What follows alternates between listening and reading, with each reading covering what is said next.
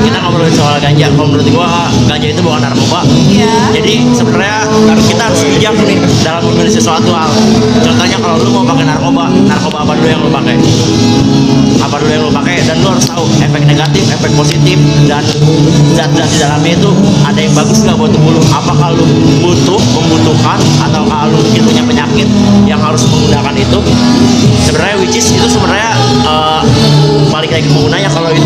baik buat lu dan itu menolong hidup lu.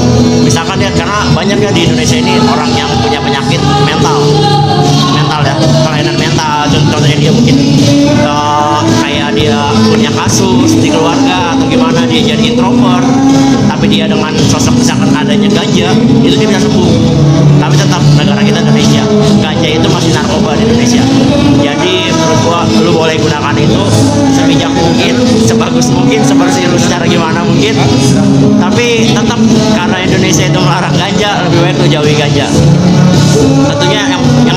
ganja. Kalau di luar ganja itu semua narkoba yang negatif. Terkecuali ganja. Karena gue sendiri ya kalau ada gue pakai. Secara nggak langsung terjadi kalau misalkan ada nih ada pelegalan ganja di gue setuju banget. Oh, gue setuju banget. Karena gue terdiri gue dari komunitas legalisasi ganja Nusantara juga dan gue dukung pergerakan itu. Ya. tapi gue jujur gue sama sekali gue nggak punya gue nggak pegang dan gue nggak nyentuh. Karena apa karena gue tahu di Indonesia ini itu ilegal. Dan gue juga sayang sama tubuh gue gue punya keluarga gue punya orang yang gue kasih sayang juga. Dan gue nggak mau mereka semua sedih cuma ngeliat gue di penjara gara-gara hal yang sepele. Hal yang sepele dong karena lu lu tau lah ganja itu tumbuhan tanaman. Dan di hadis pun itu udah ada. Gue bukan sosok religius banget tapi gue pelajari dari semua agama dari teman-teman gue yang agama ini agama ini bahwa semua tumbuhan yang keluar dari tanah itu halal untuk dikonsumsi. Dan efeknya juga nggak ada. Orang pakai ganja itu nggak ada yang melakukan kekerasan. Orang pakai ganja ketawa makan. Orang lewat dia ketawa. Dia happy dia senang dia produktif dia kreatif dia tidur dengan sangat baik. Dan setelah bangun tidur dia refresh. Dan dia semangat yang hidupnya. Kalau menurut gue sih itu. Tapi selain dari ganja lu harus jauhi itu kan tapi tetap gue ingetin sekali lagi jangan coba-coba. Karena di Indonesia itu masih ilegal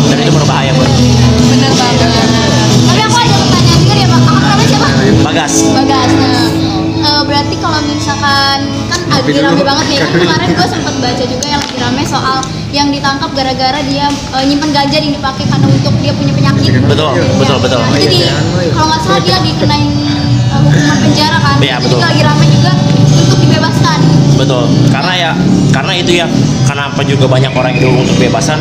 Karena gini di negara lain udah banyak yang melegalkan ganja selain untuk rekreasi loh. Tapi kebanyakan negara lain itu melegalkan dulu untuk kepentingan medicine untuk kesehatan loh untuk penyakit. Tapi setelah dia terbantu dengan yang tadinya mungkin biaya yang dikeluarkan jauh lebih banyak di bidang kimia farmasi setelah ganja dilegalkan itu meminimalisir budget dan negara jauh lebih maju dia pasti akan melegalkan untuk rekreasi. Karena apa? Karena orang banyak yang stres juga. Dia stres dia minum alkohol. Memang di awal-awalnya dia happy tapi efek negatif alkohol itu ketika lu udah pakai alkohol itu tindak kriminalnya jauh lebih banyak sih. Dan orang udah mabuk alkohol tuh nggak bisa diajak komunikatif. Bener banget bang, gue juga tahu kalau misalnya alkohol itu ternyata eh, efek apa ya? Lebih parah daripada si Lebih narkoba. parah Iya, gua daripada ganja itu kan harus ada riset juga Indonesia. Iya betul betul. Sedangkan di Indonesia ini dari yang gue pantau ya dari gue lihat dari komunitas Lekar Ganja Nusantara itu ketika dia untuk melakukan riset, di apa riset ya? Orang itu butuh biaya pasti untuk riset. Dia harus bayar laboratorium bayar profesor segala macam biaya akomodasi dan lain-lain. Tapi pemerintah kita sendiri tidak mendukung. Itu sih menurut gue yang gue nggak tahu ya pola pikir presiden kita atau pemerintah kita itu seperti apa. Sebenarnya kalau kita lihat berita keluar ya apalagi istilahnya gue belajar dari pengalaman nih gue ketemu banyak bule ya di lombok gue ngobrol sama mereka mereka soal ganja terutama ya.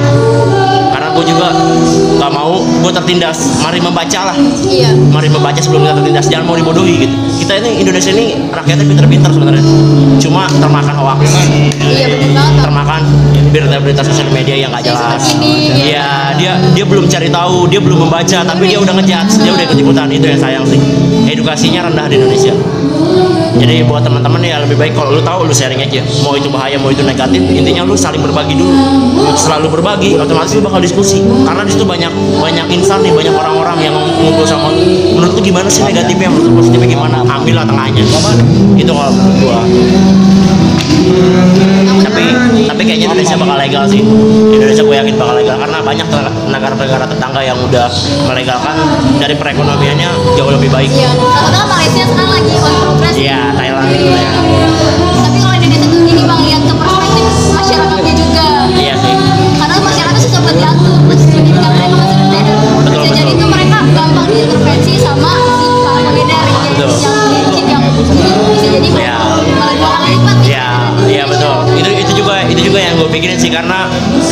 Indonesia pasti legal tapi mungkin masih lama. Sampai mungkin manusianya sendiri masyarakatnya sendiri punya bukan punya ya pola pikirnya berubah terhadap itu ya terhadap unsur itu. Takutnya mungkin dilegalkan malah jadi makin chaos makin crowd makin gak jelas malah makin rusuh malah jadi misalnya malah jadi bukannya maju malah makin hancur. Itu sih kalau menurut gua pemerintah tuh lagi mikirin ini kalau dilegalkan Indonesia maju apa makin bodoh gitu.